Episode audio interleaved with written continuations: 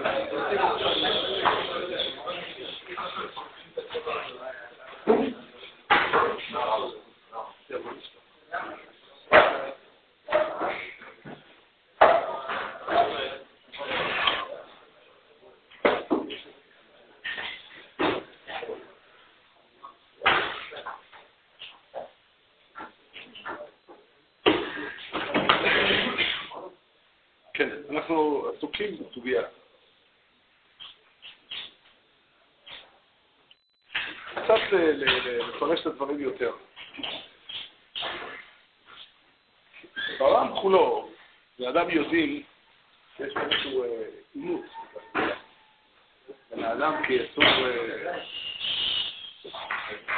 בן האדם כיצור פרטי, בן האדם כחלק מקבוצה, מציבור. אתם מכירים זרם כזה, נקרא לזה, תנועה כזו של בני אדם שתראו את המציאות כך. באופן עקרוני, בן אדם הוא יצור לעצמו. בן אדם הוא חי לעצמו. המטרות שלו הן מה שהוא רואה אותן כמטרות. הדעות שלו זה מה שהוא רואה כדעות נכונות, מה שהוא תופס כ... זהו, הוא עסוק בחיים, והתוכנית חיים שלו הפנימית היא לממש את עצמו. מה אפשר לעשות? אפשר לעשות? שבן אדם לא חי לבד, לצערנו, ויש לו, יש לו, הוא בסביבו עוד אנשים. זאת אומרת, לא רק שיש אנשים, אלא הוא גם זקוק להם לכל מיני, לכל מיני בחינות. והאנושות למדה במשך דורות רבים שלא כדאי לכל אדם לנהל את החיים לבד. כדאי ליצור מסגרות כדי לנהל את החיים במשותף עד כמה שאפשר. אבל התפיסה הזאת אומרת שעצם העובדה שאני חלק מקבוצה ואני עושה דברים ביחד, שזה אומר שאני מגביל במידה ידועה את האפשרויות שלי לעשות את מה שאני רוצה, זה מחיר שאני משלם. זה מחיר שאני משלם. זאת אומרת, כל המציאות יוצר מאשר מחיר. זה לא הדבר הטבעי. האדם מצד עצמו הוא יצור שחי לעצמו. המציאות, החיים בעולם, יצרו את הדבר הזה שהאדם הפך לקהילה.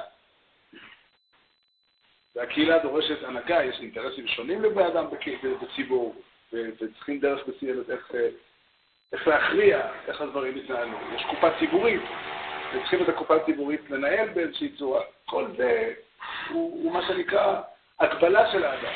האדם מצד עצמו הוא המציאות שלו שהיא, הוא, הוא לבדו. שוב, אני לא מדבר על איזשהו הזיה. יש תפיסה כזאת רצינית מאוד, ובהרבה בחינות אנחנו uh, מסתדרים איתה. אני כשלעצמי עומד לבדי בעולם, וכל הנוכחות של אנשים אחרים מסביב היא, היא שלב ב', היא, היא איזשהו תהליך מורכב יותר, מסובך יותר, פחות טבעי, פחות ספונטני, פחות אותנטי. וישנה התנגדות מתמדת בין המציאות של החברה, המציאות של הסביבה, לבין המציאות שלי כאדם פרטי. מה, מה שקורה זה שצריכים להתנהל איכשהו. אף אחד לא קורא באמת להפריד את האנושות לגמרי, כי זה לא מציאותי, זה לא כדאי, זה לא נכון, כן, זה ברור. אבל אם אנחנו, עד כמה שרק אפשר, להפחית את הפעילות של החברה ולתת לאדם את ה... להפחית לא את הפעילות של החברה, להפחית את, ה, את, ה, את המגבלות שהחברה יוצרת על הפרט ולתת לאדם לעשות את מה שהוא רוצה, זה המקסימלי. אם עושים, אפשר להשתמש במילה הנכונה, המילה, מילה מתאימה לזה בשפה שלנו היום. הדרישה לחירות היא לתת מקסימום יכולת ביד האדם לממש את, הרצון שלו, את הצרכים שלו. זו גישה אחת. זו גישה, זו גישה שבה חלקים גדולים של העולם המודרני אה, תופסים את המציאות. כל תוספת שאתה שם על האדם, על ההגדרה של האדם, מעבר להיותו הוא עצמו, היא מחיר. היא מחיר. הנכון ביותר להגדיר מי הוא אני, אני. אני. שוב, אף אחד, אף אדם שפוי לא קורא לזה במלוא מובן המילה, בוא נעשה עולם שרק הדין נמצא בו, כי מבינים שצריך, אבל זה, שוב, זה מחיר שאנחנו משלמים. כל התורה שעסוקה בשאלה איך, איך מנהלים את, את החברה, היא בעצם איך מגבילים כמה שפחות את האדם הפרטי על ידי ניהול נכון של הסביבה. זו גישה אחת. אני חושב שאם נלך עם הגישה הזאת ונראה מה עושים כאשר אנחנו קבוצה שצריכים לנהל ביחד משהו, ויש לנו ויכוח איך עושים. הוויכוח הוא בארץ רצינית מאוד, כי אני סבור שכך הוא הנכון, ואתה סבור שכך הוא הנכון. מה נעשה? עכשיו שוב, כיוון שהמציאות היא שאנחנו צריכים לחיות ביחד, אין לנו ברירה. אין לנו ברירה. באופן עקרוני, אין לי שום סיבה להביא אותך בחשבון. רק מה אני אעשה? אנחנו צריכים לנהל חיים משותפים. יש לנו, יש לנו uh, מערכות פרטית משותפות וצריכים לנהל אותה, אבל חברה אנושית יצרה כלים איך לנהל את הדברים. כל מיני כלים איך לנהל את הדברים, אבל תמיד האידאה, הדבר הטוב והיפה התיאורטי זה שאני אעשה את מה שאני מבין, רוצה, חושב, תופס, צריך. לא כי כל זה שייך לאותה גישה, אותו גישה של מציאות. התורה מציבה גישה אחרת. התורה מציבה גישה אחרת. התורה מציבה שהאדם, הזהות של האדם בנקודת הראשית שלו, הוא לא עומד לעצמו. זה לא המקום הנכון. המקום הנכון לאדם זה לא הוא לבדו. אדם הוא חלק, התורה מדברת על האדם בישראל, אבל זה נכון במידה רבה על כל אדם בעולם. אדם הוא חלק ממציאות של סביבה, של קבוצת אנשים, שהיא צריכה לפעול ביחד, היא צריכה לפעול ביחד את, ה, את, ה, את, ה, את התפקיד שלה, היא צריכה לנהל ביחד את המטרות שלה. המטרות של האדם הן לא מטרות ממנו בעצמו לבדו. זה המקום של האדם. זאת אומרת, כשאנחנו מדברים במציאות של התורה על האופן שבו מנהלים את הכלל, לא שהבעיה נעלמת לחלוטין. עדיין יש הבדלים בין בני אדם וצריכים לטפל בהם. אבל הבעיה היא לא, לא מנוסחת באותו אופן. באופן הראשון ניסחנו את הדברים שישנה מציאות שלי כשלעצמי, אני אדם לעצמי, וזהו. מה נעשה שאני חייב לצרכים שלי, בכל מיני סיבות, אני צריך גם להביא בחשבון את כולם. כשאני מדבר על התפיסה שהתורה מציגה, אז זה, זה, השפה של הדברים היא שפה שונה לחלוטין. האני בעצמי הוא חלק מכלל. זאת אומרת, אני לא צריך להתחשב בעובדה שאתה חושב אחרת בגלל ש... כי מה אני אעשה? אלא כי המקום האמיתי שלי הוא יחד איתך. המקום שבו אדם בא לידי ביטוי, המקום שבו אדם מופיע, המציאות האנושית מופיעה זה בתוך, בתוך מערכת יחסים. בתוך מערכת יחסים. הגרעין הראשון זה שיפתח את החומש ועוד פעם, מתחילת התורה. כן, מתחילת התורה, זה יותר בולט אחרי הסיפור שיוצאים מגן עדן, ושם מתחילים לדבר על התורה, מתחילה, כותבת כותרת, זה ספר תולדות אדם. לכאורה הכותרת הזאת היא לא כותרת לאיזשהו קטע מסוים בתורה, אלא כותרת לתורה כולה. הספר הזה שאתה מחזיק ביד הוא ספר תולדות אדם. יש סוגיה ששמה היסטוריה, היסטוריה אנושית, והתורה, הספר של התורה עסוק בתולדות האדם. והאדם מופיע כמשפחה. כמשפחה, שם מתחיל להיות שיש אדם וחווה, ונולד להם ילד, ויולד בדמותו כצלמו. שימו לב לחידוש הגדול, נולד ילד בתוך משפחה, והוא דומה לאבא ואימא. בדרך כלל תולדות הצאצאים. ככה הכלל, ככה הכלל בחיים. בדרך כלל, הפירוש של מילה נכון הוא איך שהיא נראית ברוב המקומות. את המקרים החריגים צריך לפרש. או שנצליח או שלא נצליח, אבל לא לקחת את המקרים החריגים ומשם לקחת את פירוש המילה. זו טעות מפורסמת. אה, תולדות הכוונה היא, אבל התורה של התורה אומרת, איפה האדם מתחיל? במשפחה. מה זה משפחה? משפחה עם שני אנשים שכרתו ביניהם ברית. הברית נוצרת מהיחס שלהם. חשוב מאוד לזכור, הנושא הוא לא רק שהם עומדים במחויבות שלהם, שהם מעוניינים ורוצים להיות ביחד. הם רוצים לעשות משהו ביחד. זה הברית, זו, זוהי הברית הראשונה, הראשונית. ברית זה לא הכוונה, רק יש לי חובות כאלה אליך, אסור לי לפגוע בך, אני חייב לספק לך צרכים מסוימים. כל זה קיים גם. מתחת לחופה אנחנו כותבים כתובה, קוראים את הכתובה, והכתובה כתוב כל מיני התחייבויות שיש לבעל לאישה, יש גם התחייבויות שהאישה חייבת לבעל, בלי ספק. כל זה נכון, אבל הנישואים בעצמם הם לא זה. עצם הברית של הנישואים זה אנחנו קראנו ברית להיות ביחד. להיות ביחד פירושו לנהל את החיים מתוך רצון לעשות דבר משותף. זה המקום שבו אדם נולד. המקום המתאים להולדת אדם זה בתוך משפחה. לי בעלי חיים למשל, שלא שמענו שהם קוראים לרע בסידור קידושים. יכול להיות. יכול להיות. כל מה שאנחנו מדברים על בעלי חיים, אנחנו לא מתכוונים מה קורה לבעלי חיים בעצמם. אנחנו מתכוונים לומר איך אנחנו תופסים את בעלי החיים. ייתכן שאם היינו מדברים עם הכלבים והחתולים, אין להם תיאוריות שלמות על איך האדם נראה וכולי, זה לא משנה. מבחינתנו, הבעלי חיים הם, הם מה שהוא נקרא לא אדם, איך שזה נראה לנו. האדם הוא יצור שנולד ונברא לתוך משפחה, והמשפחה היא מקום שבו יש ברית. יש ברית. זה לא, שם המקום של בן אדם, שם, שם המקום שבו האדם נמצא. עוד לפני שהתורה מדברת על היהדות, על, צורת, על בחירת אברהם ועל נתינת התורה וכולי, היא מתחילה במציאות האנושית הכללית. סתם, בני אדם הם משפחות, העמים הם משפחות שהתאבו, וגדלו להיות עם.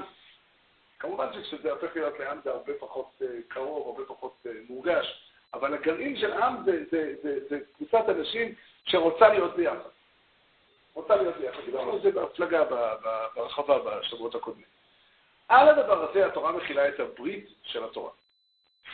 הוא לקח בני אדם ואמר להם, אנחנו בואו נקים עם כזה שהוא נאמן להשם, שהוא נאמן להשם ולתורתו, שהוא עומד ועובד את הוא. הברית מלכתחילה לא פונה לאדם פרטי. שוב, כל אחד מהאנשים שנמצאים בתוך הברית הוא מחויב לברית. יש לו דינים ומצוות שחלים עליו מכוח היותו בן ברית. אבל הברית בעצם היא בוא נקים ביחד את אותה משפחה. את אותה משפחה שהיא משפחת הברית. זה, זה הסיפור שהתורה מדברת. כשאני בא לתוך המקום הזה ואני שואל, איך ננהל ביחד את החיים המשותפים? ואיך להתמודד עם הפערים, עם ההבדלים ביני לבין חברי, כשאנחנו רוצים להקים את הדבר הזה ביחד. בכל מקום בעולם שאנשים חיים ביחד, יש להם בעיות עם העובדה שהם חולקים זה על זה. זו בעיה עקרונית.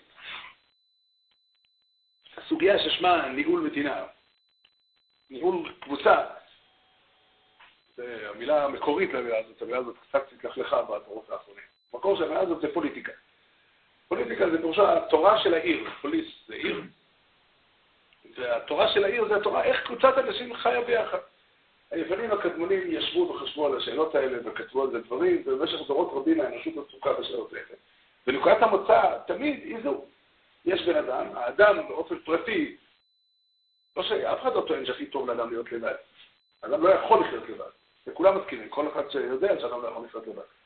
אבל, אה, אבל הוא גם לא רוצה לחיות לבד. אבל האדם במהותו הוא אחד, רק הוא חי ביחד עם אנשים מכל מיני סיבות, וצריכים לנהל את העניינים בצורה הזאת. התורה לוקחת את זה הדבר והופכת הופכת את, ה, את, ה, את נקודת המוצא. יש פה אנשים שהם רוצים וצריכים, זאת אומרת, בעצם הייעוד שלהם הוא לנהל ביחד את החיים המשותפים. המקום שלי הוא כאדם, כחלק מאותה קבוצה, חלק מאותו ציבור, שעובד יחד את הקדוש ברוך הוא. ואנחנו צריכים לנהל, אנחנו מצווים לנהל ביחד את, את הדבר. זאת קבוצת אנשים, ננסח את זה בצורה הלכתית פשוטה, קבוצת אנשים שחיה, קבוצת יהודים שחיה בעיר מסוימת. הגיעו יהודים, כל אחד הגיע בדרך שלו, הגיעו ליהודים לצורך העניין לפרנקפורט שבגרמניה, הגיעו 50 יהודים. כל אחד מהם יהודי ירא שמיים וכולי, הם מצווים להקים קהילה. אני יכול לנסח את זה, תשמע, אנחנו צריכים לעשות בניין, תפילה בציבור וכולי. התפילה בציבור היא לא הסיבה, זה לא הפירוש שכדי להתפלל בציבור, לכן אנחנו צריכים להכיר, למצוא את היהודים בעיר. או כדי לקיים מצוות החלטת תומכים, אני צריך לברר מי הם היהודים שנמצאים פה. זה לא הכוונה. כל המצוות האלה הם ביטוי לעובדה הזאת, שאיפה שיש יהודים הם צריכים להתאסף ביחד ולעבוד את השם יחדיו. להקים, מה שנקרא, לקיים את התורה, להגשים את, את הייעוד של התורה כקבוצה. זה, זה, זו הצורה. מזה נגזרה, נגזר העניין של תפילה בציבור, שכל בי עשרה שכין תשרת. כל קבוצה של יהודים, בעצם זה מקום השערת השכינה. למה? עשרה האנשים האלה לא, לא רק מספר. לא הפירוש שהקדוש ברוך הוא יורד מהשמיים, תראה, לטרוח לרדת בשביל עם אחד, נו, זה, מדי קשה. בשביל עשרה אנשים הוא יורד. קל וחומר, אם יש 200, אז הוא יורד הרבה יותר מהר. לא הכוונה. כן, אבל כאן כתוב כבר שהעשרה השכינה מגיעה לפניהם. פירוש הדברים הוא שעשרה, יש פה עם ישראל בזעיר אנפין. יש פה קבוצת אנשים. אתה יודע שמספר עשר הוא הנושא, זאת אומרת, יש פה מספר משמעותי. אבל זה לא, זה לא רק עניין של כמות, זה יש פה קבוצה. יש פה קבוצה של אנשים שהם מתאספים ביחד לעבוד את השם. הצורה הנכונה היא של מניין, ככה אנחנו רואים בלשון הזוהר, כתוב בזוהר שאם לא צריכים כל העולם לחזור בתשובה, כתוב בזוהר, אלא די שכנישת חדה יחזרו בתשובה כדי להביא את הגאולה. מה זה כנישת חד? מניין אחד, בתוספת אחד. לא היא לשתיב לך. הכוונה היא קבוצת אנשים שחיה במקום מסוים, הם יוצרים קהילה. בתפילה שלנו זה הרבה פעמים חוזר, עלינו ועל כל עמך. מי זה עלינו? מי זה אנחנו? המשפחה שלי, לא, עלינו זה הכוונה, הציבור המתפלל כאן. היי, אולי אני מתפלל ביחידות עכשיו. אפשר להשאיר את זה פתוח, אה, אפשר לדאוג שזה יהיה פתוח.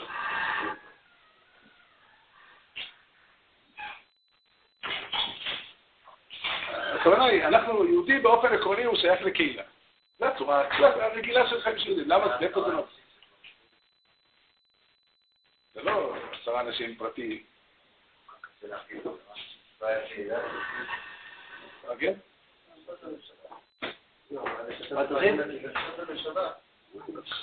אני לא התכוונתי להיכנס לנושא. לא, לא, שלמה, לא התכוונתי לנושא, אני רק הזכרתי את הביטוי קלישתא חדה.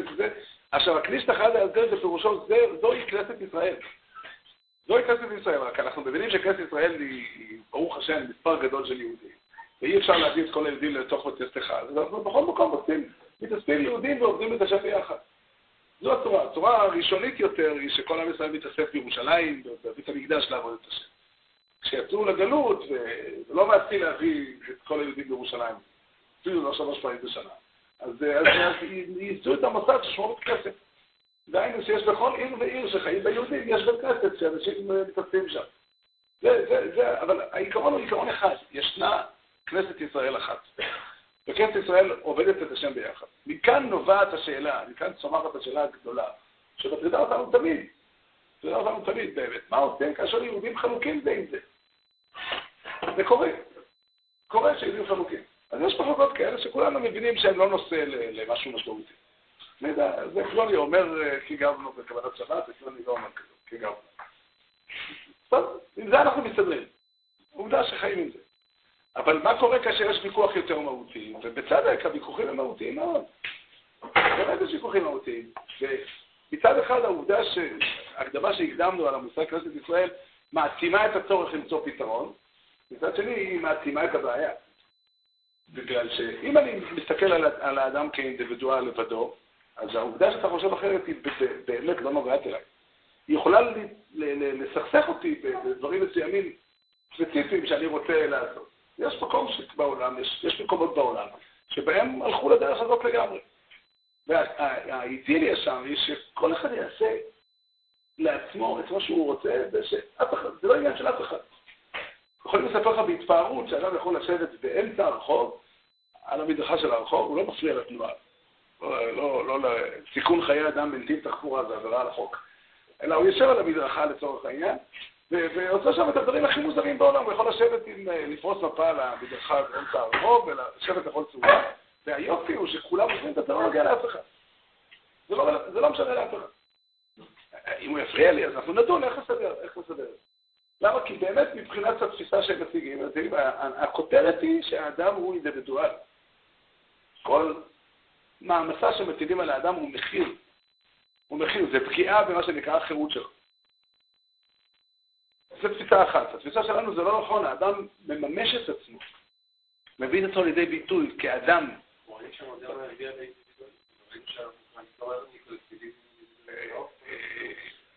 קצת בבעיה. בסדר, אני אגע בזה. זה לא, אני לא חושב ש... בסדר, אין אחד. אבל, אבל אם אנחנו צופים שהאדם שם את עצמו, מביא את עצמו לידי ביטוי דווקא להיות ביחד, אז מה אני אעשה עם הוויכוח? ומכאן הגענו בשבוע שעבר לשלושה, שלוש גישות עקרוניות.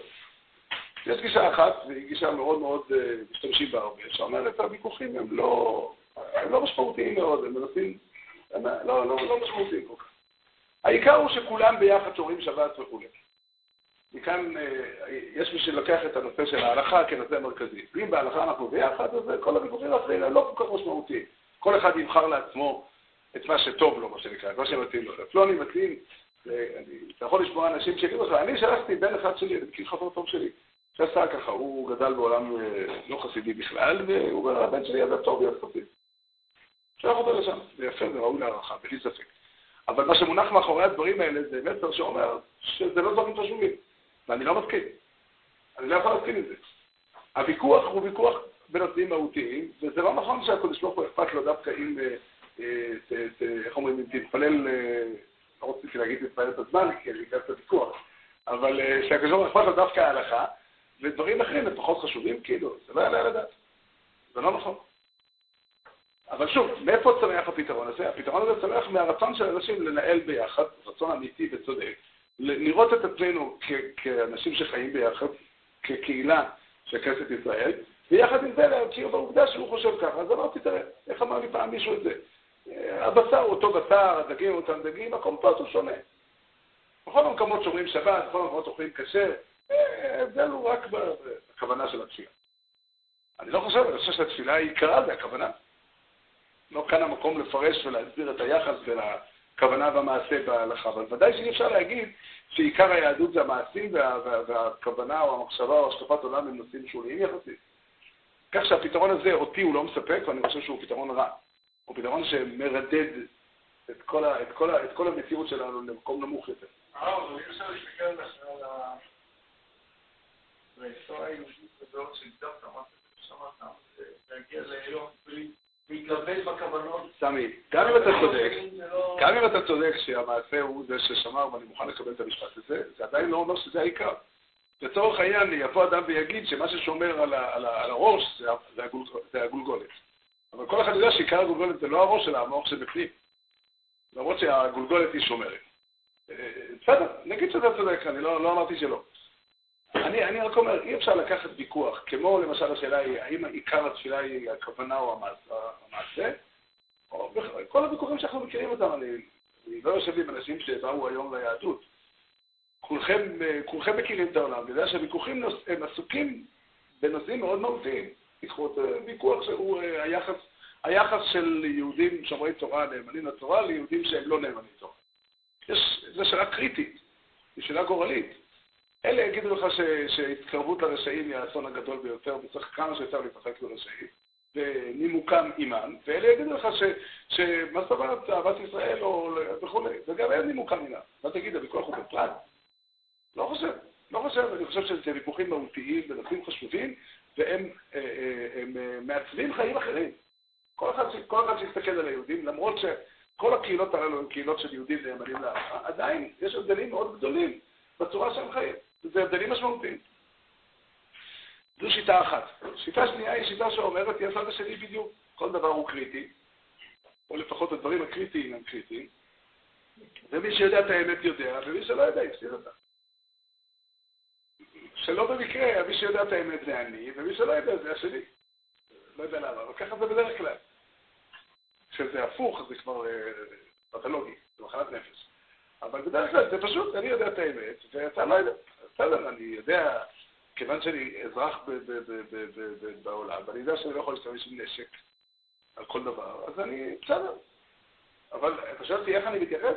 אני יודע את האמת, ואתה לא. למעשה, איפה שתדרוש ממני להתחשב בעובדה שאתה חושב אחרת, מה פתאום? לא פתאום. אין סיבה. ו... לעובדה הזאת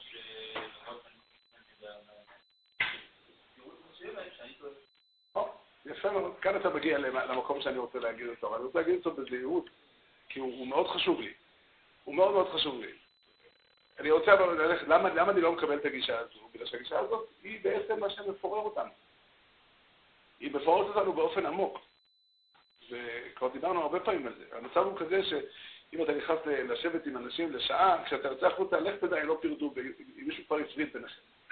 זה יצא כבר שתי קבוצות. אתה לא יודע, אתה צריך כל אדם שאתה פוגש, אתה לשאול אותו, רגע, רגע, רגע, לפני שאנחנו מדברים, אם בכלל אנחנו שייכים לאותו עם. לך תדע. לך תדע. ובאמת, מה שקורה, במובן מסוים, מה שקרה למדינת תל אביב, קורה במובן אחר גם לנו. אנחנו הולכים ומתפוררים ומתפוררים ומתפוררים בפירורי פירורים. זה מה שנקרא באמת גלות. זה באמת הגלות. הגלות זה נקרא שהמקום של האדם אין לו, אין לו, אין לו מקום אמיתי. והמקום המקום נאבד לו כל הזמן. כל הזמן המקום נעלם לו. היה לו פעם, היינו פעם, ישבנו פעם ביחד, ועכשיו אנחנו כבר בנפרדים לגמרי.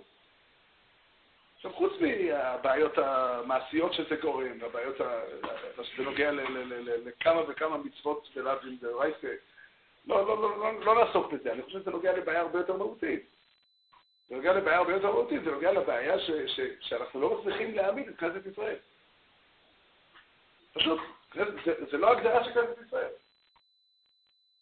זה לא המקום האמיתי של האדם, המקום האמיתי של האדם הוא שייך למקום מסוים, זה כמו, מה קורה אם מפצלים משפחה? אז נהיה שתי משפחות, ברוך השם. אנחנו מבינים שהמקום, המשפחה האמיתית, ברגע שאתה מפצל אותה, זה כבר לא המשפחה ההיא. זה לא נכון. זה לא נכון. אני חושב ששורש הטעות באמת, שורש הבעיה היא במה שיורם אומר באמת. זאת אומרת, ההבנה הנכונה שמה שבורא העולם נתן לבן אדם תפקיד לחשוב ולהחליט, זאת אומרת, אנחנו צריכים להבין. החלוקה המקומית שלה זה ההשוואה הזאת היא לא השוואה נכונה. היא השוואה שחוזרת לשלב הראשון. כי אם אתה מדבר על חלוקת השבטים, אתה רואה שהקדוש ברוך הוא בעצמו חילק את העולם בשבטים, ואם יבוא אליי מישהו מהשבט הזה, אני אגיד לו, לך לשם. כי אני גם סבור, אבל אם אני סבור שהוא עושה טעות, אני לא אגיד לו, לך לשם. אני אגיד לו, בוא, בוא, בוא לכאן.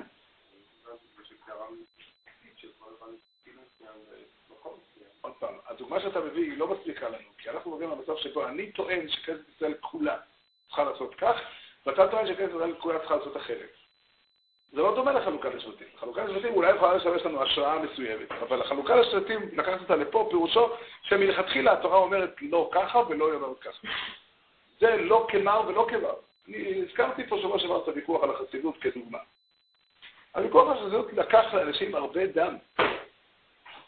אנשים לא, לא פשוטים מצאו לנכון לנהל על זה מאבק אמיתי. על מה הם התווכחו? תעשה חלוקה לשבטים. אלה שגרים בעיר, בארץ הזאת יהיו כאלה, אלה שגרים בארץ הזאת יהיו כאלה. אף אחד לא חשב ככה. אף אחד לא חשב ככה, ואף אחד לא חשב, אני לא חושב שהיום יש מישהו שחושב ככה.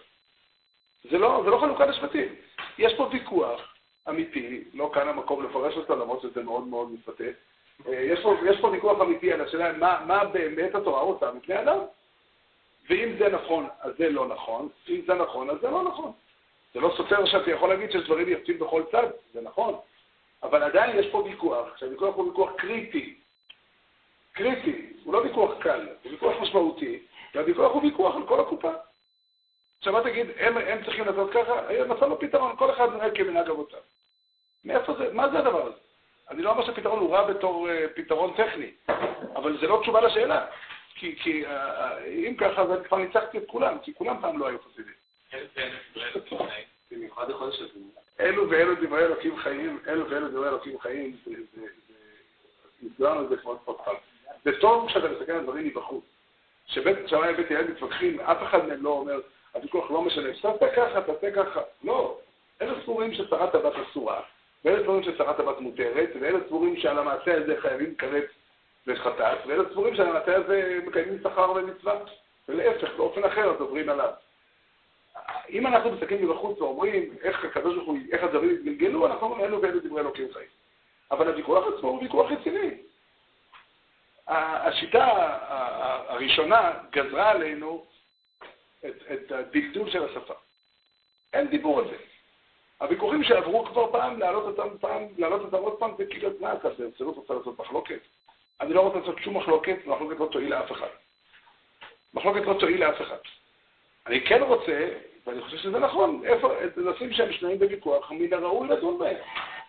מן הראוי לדון בהם ולמצות את הדיון ולמצוא, להבין מה טוען פלוני, ובמפורש, פלוני טוען שדרך זו נכונה ודרך זו לא נכונה, היא לא נכונה. היא לא נכונה, זה לא, זה לא, זה לא עובד. לא לזה הקדוש ברוך הוא התכוון. האם יוצאים ידי חובה בדיעבד באכילת מצה? סביר להניח שכן. אבל יש פה, יש פה טעות, ופלוני סבור שזו טעות. עכשיו, קל מאוד להגיד, אה, כל אחד, מה קורה, על כל פנים, אני לא צריך לספר לכם מה קורה במציאות, כי אתם מכירים לא פחות ממני. זה מה שקורה במציאות. ואני חושב, התשובה האמיתית היא שאנחנו לא מבינים את ההבדל, את, ה, את, ה, את, ה, את הצורה העקרונית, ופה אנחנו בעצם עוברים לנושא אחר, אבל הוא תנאי גמור בלהבין איך פועלת קבוצה. הקדוש ברוך הוא ברא בני אדם ונתן להם כלים. התבונה של האדם, הדעת של האדם, הם כלים שהקדוש ברוך הוא נתן לנו, והם הכלים שאיתם אנחנו צריכים לפעול. התורה היא ספר שנמצא בידינו, הוא דבר השם, והוא ניתן להבנה של בני אדם. אין לו שום פשר בלי הבנה של בני אדם. כל אחד יכול לפתוח את הספר כמו שהוא נמצא פה, בארון הקודש, אפילו אין ליכוד למילים. אם אתה קורא את המילה בלי ליכוד, זאת אומרת שאתה יודע את הליכוד ממקור אחר. אתה הוספת את הליכוד לספר. אין לספר עצמו ליכוד. זאת אין לספר שום משמעות בלי פרשנות.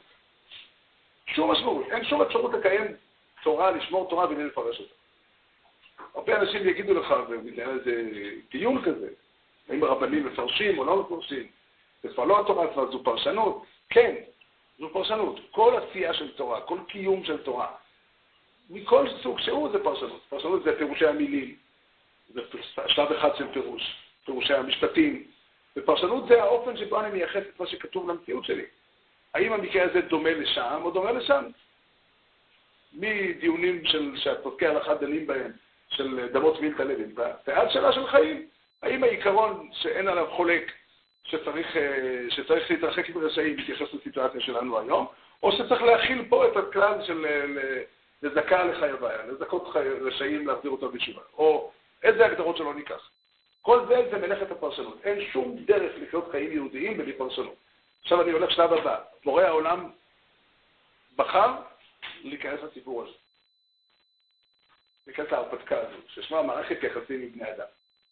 ואחת התכונות של בני אדם שכרגע אנחנו עסוקים בה זה התכונה של הפרשנות. האדם הוא מפרש, הוא לא יכול שלא לפרש. וכיוון שבן אדם הוא מפרש, אז זה אומר שלתורה יהיו כמה וכמה, כמה וכמה פירושים. כל זה נכנס למה שהקדוש ברוך הוא מתכוון אליו. אני זכיתי לדעת את הפירוש האמיתי. ברור.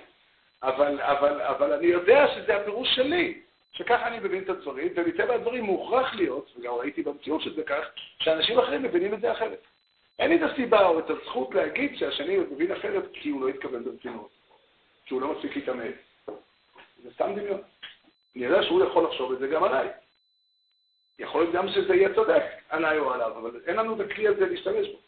ואין לנו דרך איך לברר באופן מוחלט ופומבי, מה שנקרא, ליצור אה, חוק מה, מהדעה שלי או שלו. אלא אם כן, וזו מצווה שמוטלת עלינו, להקים מוסד של סנהדרין. כשאפשר להקים את המוסד הזה, המוסד הזה אמור לקחת את הוויכוחים ולהכריע. ושוב, למה ההכרעות שלו תקפות? לא בגלל שהן צודקות.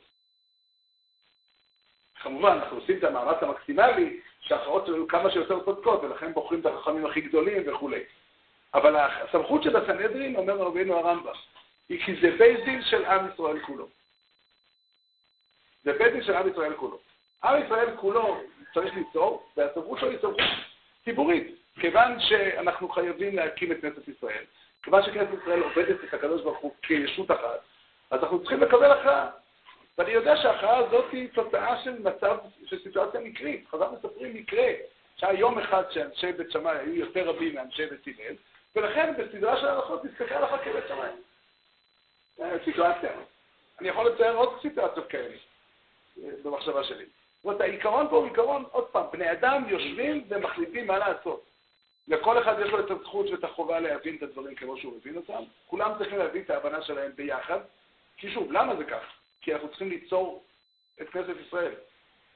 ולקבל החלטה, כאשר אנחנו חיים במצב שבו אין לנו מוסד, אז האפשרות שלנו להכריע היא מאוד מאוד מוגבלת.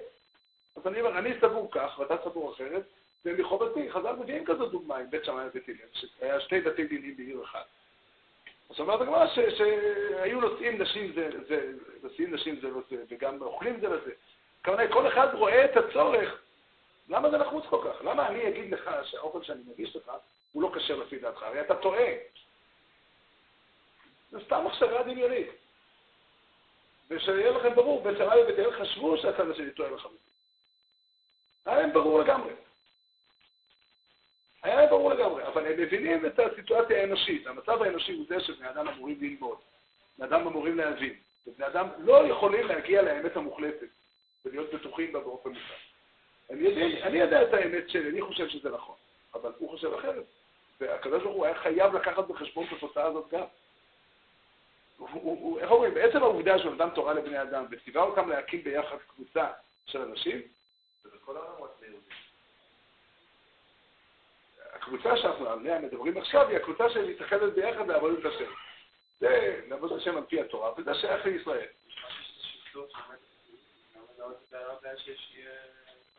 אין אמת לא אבסולוטית. אין אמת לא אבסולוטית. כל אמת, כל מי שמדבר על האמת מתכוון לאמת האבסולוטית. כשאני חושב שאני צודק, אני חושב שאני צודק באמת האבסולוטית. כמה אמיתות זה אה, משפט שהלוגיקה הפשוטה לא יודעת להגיד. אני יכול להבין שבסיטואציה מסוימת זה אמיתי, בסיטואציה מסוימת זה אמיתי. אבל שבאותה, ואני יכול להבין שסיטואציה שלי ושלך הן שונות. אבל לחשוב שבאותה סיטואציה נכון לעשות כך ונכון באותה מידה לעשות אחרת, לצורך העניין, נדבר על מקרה מסוים, בא אליי בן אדם בבית ודופק ציר בית ומבקש כסף. אני מסתבר כי נכון לתת לו או לא. עכשיו אני אענה לך תשובה. יש אמת אחת שאומרת תיתן לו, יש אמת אחרת שאומרת אל תיתן לו. ושתיהן אמיתות מוחלטות.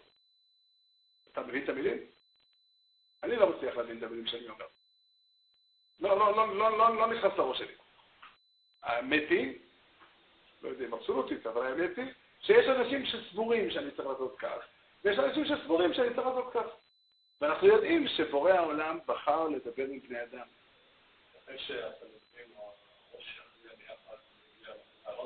ודאי, ודאי. זה לא הופך להיות האמת האבסולוטית. האמת האבסולוטית נשארת כמו שהיא באמת. הטעות היא ההלכה. יכול להיות. יכול להיות. אנחנו אומרים שיש סייעתא דשמיא, כתוב בחז"ל, וזה אמת, שיש סייעתא דשמיא לחכמים לבדוק את הנכון. אבל יש כזאת סיטואציה, ויש פרשה בתורה שמדברת על הסיטואציה הזאת, שבית דין טעו, והם מצאו את הטעות, והם מקריבים קורבן חטאת לכפר על הטעות שהם טעו. ודיברנו הרבה פעמים על הדבר הזה, שאדם חוזר, אותו אחד מחברי בית הדין, לצורך העניין ראש בית הדין, הטוב בטלה ברוב. ואל תציירו שהוא אה, עומד לבדו. 35 החשובים ביותר בסנדן היו איתו. אבל 36 אחרים טבעו אחרת. והוא חוזר חזרה למקומו, אז כתוב במשנה, חזר למקומו והורה, ולימד כדר שלימד פטור. הורה כדר שהורה חייב, פירוש הדברים. אם הוא מלמד שההלכה היא כמו שהוא עד עכשיו לימד, ולא מוסיף מה לעשות למעשה, אז הוא לא בסדר, כי הוא היה צריך להגיד לעשות כמו הסנהדרין. אם הוא הורה לעשות לא כמו הסנהדרין, אז הוא חייב כדין זקן אומרים. אבל מה שהוא צריך לעשות באמת, זה ללמד כדרך שהוא לימד, ולהורות כמו הסנהדרין. זאת אומרת, להגיד ככה, אני חושב ואני צודק. עכשיו, הפעולה המסוימת ההיא אסורה בשבת. שוב, זו דוגמה בעלמא. אסורה בשבת. אבל המציאות היא שהסנהדרין פסקו ככה, למה הם פסקו ככה? כי מה נעשה ירידת הדורות, החכמים שם לא כאלה חכמים. הם לא למדו פה בישיבה, זו בישיבה אחרת. זה המציאות. אבל הם החכמים, הם הסנהדרין היום, וההלכה היום כרגע היא שהפעולה הזאת מותרת בשבת, ולכן אני גם עושה אותה. עוד דקה, להגיד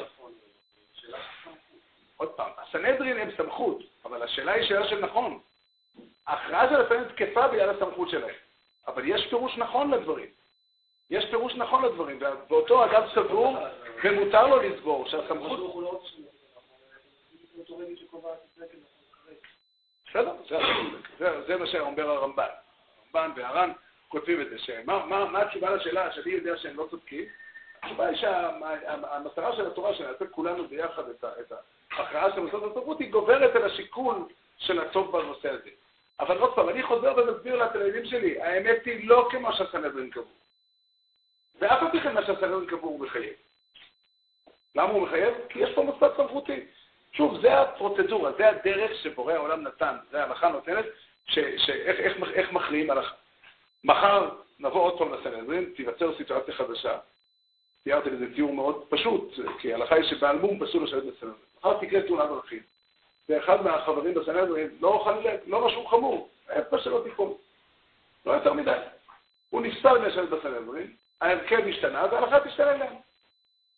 זה דין שכתוב, כתוב ברמב"ם ככה, כתוב ברמב"ם יותר מזה, כשמכינים את ההלכה, כותבים את דעת המיעוט גם כן, כדי שבדור הבא, או בדורות הבאים, יוכלו אנשים לחשוב, אולי דעת המיעוט צודקת, עם הנימוקים שלו. עם הנימוקים שלו. וההלכה תשתנה שוב. עכשיו, כל זה, הוא מדבר על המוסד ששמו סנהדרין. אני רוצה, אבל לפני שאני דן על השאלה מה עושים היום, לתלוץ מהמוסד הזה את הרעיונות. ישנו עיקרון. העיקרון הוא שאנחנו צריכים לקחת את הדעות של כולנו וליצור מהן מציאות של אחת, של כנסת ישראל אחת. ויש עיקרון קדוש, שהתורה משתמשת בו במילים, תורה אחת תהיה לכם ולגר ולאזרח הארץ. זאת אומרת, יש תורה אחת שאותה אנחנו עושים, והעיקרון הזה הוא גובר על השאלה האם מעשה בסטייה מחלול שבת או לא, או גילוי עריות או המקום של הפרט, אה, המקום של הפרט הוא לעבוד ולעשות ככל יכולתו כדי לתרום לעצמו גם כן, אבל גם לקהילה, להגיע למקומות הנכונים שלה.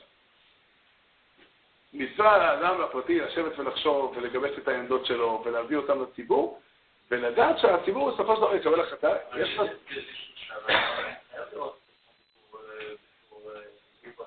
לא, אני לא חולק על זה שיש לאדם מציאות פרטית, זה ודאי נכון. אני, האמת היא שהמן הראוי היה לדבר על זה יותר, ואני, קצת חבל לעצור בנושא הזה כאן, אבל אין לנו ברירה. בנושא הזה נעצור בשבוע הבא. אבל אני רוצה לחזור לנקודה ההיא. אני אומר, יש לי את האמת שלי. היום אנחנו חזרנו למקום שאין סנדר. אין לנו אפשרות להכריע. אבל יש עדיין מחויבות מלאה להקים את, ה, את המסגרת הזו ששמה כנסת ישראל. כנסת ישראל מהבחינה הזו היא כלל האנשים הנאמנים לתורה ולמצוות, לקדוש ברוך הוא ולתורתו. אין, אין הגדרה אחרת. את הסוגיה של יהודים שהם לא נאמנים להשם ולתורתו נצטרך ללבן בעוד הזדמנות. אבל, אבל הקבוצה הזו שעליה אני מדבר היא הקבוצה של אנשים שמתאחדים ביחד בשביל לעבוד את השם. עכשיו, יש בקבוצה הזאת אנשים שחלוקים זה עם זה במחלוקות קיצוניות. זה לגיטימי, זה טבעי, זה הכרחי שזה יקרה. כל אחד מותר לו, וטבעי שהוא יחשוב שהוא צודק. ומצווה עליו, מי שמדבר על האינדיבידואל, לגבש את העמדה שלו, לחשוב עליה עוד פעם, לכתוב ספרים שמבארים את העמדה שלו, לנסות לשכנע את כולם, לפעול במרץ, מדובר על הנושא הכי חשוב בעולם, מה כנסת ישראל נמצא לעשה. אבל אחרי שנשארנו בוויכוח, אחרי שנשארנו בוויכוח, אנחנו צריכים לחשוב איך בתנאים שלנו, כשאין לנו דרך להכריע, איך מנהלים עד כמה שאפשר חיים משותפים. ושוב, האמת שאני יודע אותה היא האמת שאני יודע אותה לפי כלים אנושיים. יש פה אמת אלוקית שלבושה בלבוש שאני הלבשתי אותה. ואין דרך אחרת, לזה הקדוש ברוך הוא מתכוון. התורה התכוונה לזה שבני אדם ילמדו את התורה שהיא דבר השם, וייתנו לה פירוש מסוים, הפירוש הזה יתפוס את המציאות לפי, לפי דעתי. וכאשר יש לנו ויכוח, אנחנו צריכים לחשוב איך מנהלים ביחד. אני חייב להביא בחשבון את העובדה שאתה חושב אחרת. אני חייב להביא בחשבון, זה לא חייב להיות שזה יגרום לי לסגת מעמדתי, יכול להיות שלא, אבל אני חייב להביא בחשבון איך אנחנו מסתובבים ביחד. לא חייב להיות שאנחנו נקים את אותו חיידר, אולי נקים שתי חיידרים, אולי, אולי, אבל אנחנו, כנסת ישראל היא כנסת ישראל אחת. אין, אין אפשרות לפצל את כנסת ישראל. כל פיצול של כנסת ישראל זה, זה, זה מכירת יוסף. זה עבוד מכירת יוסף. שזה לא צריך להבין למה שהיא באמת חושב ככה. צריך לחשוב על פרוצדורות, איך לנהל חיים משותפים, בלי להתעמק למה הוא חושב ככה. ההתעמקות הזאת יש לה ערך מבחינת בירור האמת. אבל מבחינת הסולידריות אתה צודק. מבחינת הסולידריות זה, נושא אחר. צריכים לחשוב איך לנהל את החיים, ויש לזה נפקמיה לדינה. יש לזה נפקמיה לדינה פשוטה. זה הרי ברור לחלוטין שאם אני קם מחר וסבור, אה, לא יודע, יש לי באיזה דבר שעם ישראל סבור שמותר להביא חשמל בשבת. נגיד, למדתי את הסוגיה, בירת סוגיה, ואני משוכנע לחלוטין שזה נכון. נגיד. עכשיו אני קם בבוקר, האם מותר להדליק חשמל? התשובה היא אסור. למה זה אסור? כי כנסת ישראל החליטה שאסור להדליק חשמל בשבת. אמנם אין לנו מוסדות לקבל הכרעות, אבל ישנם דברים כאלה שעם ישראל כולו, היהודים הנאמנים להשם ולתורתו, קיבלו החלטה. ההחלטה הזאת תקפה, למרות שאני יכול לסבור שהיא לא צודקת. היא תקפה והיא מחייבת כל יהודי. זה מה שנקרא הלכה פסוקה. באתרא דרב לזר, באתרא דרבי עקיבא, יש דבר שהוא הוסכם על, על, על כל האתרים, על כל המקומות. אין היום ויכוח ביהדות, נקרא לזה ביהדות ההלכתית, אין ויכוח בשאלה אם מותר להדליק חשמל בשבת. עכשיו, אם אני רוצה לשנות את ההלכה, מותר לי. מותר לכתוב ספר, להסביר את העמדה שלי, להפיץ אותו במיליון עותקים, לכל יהודי לשלוח הביתה, אולי הוא ישתכנע. מתי אני אקרא לזה, מתי, מתי זה נקרא שהצלחתי לשכנע? ששכנעתי את היהודים כולם. האם אני צריך לשאול את היהודים החילונים מה הם חושבים? זה יהיה מצחיק. אני צריך לשאול את היהודים הנאמנים להשם ולתורתו, האם העמדה שלהם היא כזו, הצלחתי ליצור דיון ברחבי העולם היהודי התורני. עכשיו אני אשאל, מי נקרא היהודים הנאמנים להשם ולתורתו? אלה שלבושים בכיפה כזו או בכיפה כזו? מה דינו מי שעובש קסקט? מה דינו? לא, יהודים, כנסת ישראל זה היהודים שלוקחים על עצמם להיות נאמנים להשם ולתורתו. אין הגדרה אחרת. אין הגדרה אחרת, ואני חושב שזה פשוט שאני צריך ברמה הלכתית. ברמה ההלכתית אני צודק. זאת אומרת, אם אנחנו שואלים מי כנסת ישראל, לגבי ההגדרה הזאת, ישנה הגדרה אחרת שבה נצטרך לעשות ביהודים שהם לא נאמנים להשם על תורתו, מאיזה סיבה שלא תהיה, נדון עליה בהמשך. אני רציתי להמחיש את ההלכה, את ההשלכה של ההלכתית, אבל זה לא עניין הלכתי. זה לא רק עניין הלכתי, זה עובדה, אני יודע, לצורך העניין... אני לא חושב שרעיונות בעלמא יש דבר כזה. רעיונות שהם רעיונות בעלמא הם לא משמעותיים לאף אחד. אנחנו מדברים על רעיונות שמייצדים חיים של בני אדם. אז אני חי חיים מסוימים, יש לי תפיסה מסוימת מה התורה רוצה, ואני משתדל לעשות את מה שהתורה רוצה. לפי התפיסה שלי, הרעיונות בעלמא שלי הובילו אותי לעשייה הזאת. יש אנשים שיש להם רעיונות בעלמא אחרים, והרעיונות בעלמא מבינים את זה. אני חושב שזו שאלה הלכתית, אני הבאתי את זה כמשל. הבאתי את זה כמשל. אני אומר שברמת העיקרון, כנסת ישראל זה מושג, אה, אה, מושג מטאפיזי, מושג דתי. הקבוצה הזו של האנשים הנאמנים להשם לתורתו הם קבוצה, אין כנסת ישראל, איתם בורא העולם כרת ברית. מי שרוצה לקיים את הברית עם השם לא דרך האנשים הללו, הוא, הוא, יש לו בעיה. אולי נוכל לפתור לו אותה, אבל יש לו בעיה. כי הקדוש ברוך הוא כרת ברית עם קבוצת האנשים הזו. והכנסת ישראל מחויבת, כל אחד ואחד מאיתנו מחויב לקיים ולממש את כנסת ישראל. אני לא חושב שזה מערכות היחסים שלנו עם בני אדם. התפיסה שלנו מי הציבור, ההלכה היא הקצה האחרון, היא המקום שבו אתה יכול להראות איזה ביטוי אה, מוצק, ביטוי נוקשה. אבל מערכת היחסים שלנו בין יהודים, איך אנחנו, תפיסה של זהות. זה לא שאלה, ההלכה היא, היא, היא המקום שלשם זה מגיע, אם אני רוצה להראות למי שמתעקש. אין דבר כזה רעיונות בעלמא. רעיונות בעלמא, הרעיונות האלה הם רעיונות שמעצבים חיים. ויש לי רעיון כזה. מה אני עושה? מעשה שהיה כך היה. תרשו לי באמת, הזמן שלי חלף. אבל מעשה, ש... מעשה שהיה כך היה, כשהקימו את אגודת ישראל, הייתה דרישה של יהודים, תלמידים של הרב הירש, מבית מדרשו של הרב הירש, שלא יכניסו לאגודת ישראל יהודים כאלה שלא נכנסו לקהילות הנפרדות. היה ויכוח. האם באשכנז היה, היה, היה יהודים שיצרו קהילות נפרדות והם התרחקו מהרפורמים ויצרו אותם קהילות נפרדות, והיה יהודים כאלה שאמרו, אנחנו לא רוצים להקים קהילות נפרדות, אנחנו חלק מהקהילה הכללית, מה שנקרא אלגמיינה קהילה, והקמנו שם בתי כנסת אורתודוקסי. והוויכוח הזה הוא ויכוח אה, חריף מאוד. הרב הירש טען שיהודי שחבר בקהילה היהודית הוא מומר. והייתה דרישה מאגודת ישראל הכללית שלא יקבלו לאגודת ישראל את היהודים האלה. והחובץ חיים אמר, יש דבר כזה להתרחק מרשעים, אין דבר כזה להתרחק ממי שלא מתרחק מרשעים. זאת אומרת, אתם טוענים שאותם אנשים לא מתרחקים מרשעים וזה לא בסדר, אבל זה לא סיבה להתרחק מהם, הם לא הפכו רשעים לכם. אתם סבורים שצריך להתרחק מהרפורמים, והם סבורים שלא. אבל אתה לא יכול ליצור מרחק מהם. זו הייתה התשובה של החובץ חיים. זאת אומרת, אומר החובץ חיים, יש הגדרה, יש לך ויכוח מה עושים, הוויכוח הוא ויכוח. אני לא, אני יכול להגיד, אני יכול שהחובץ חיים יכול להגיד לצדדים גם מה הוא חושב, אבל לא זה מה שהוא אומר להם. הוא אומר להם שגם לשיטתכם אין מקום להפרדה הזו.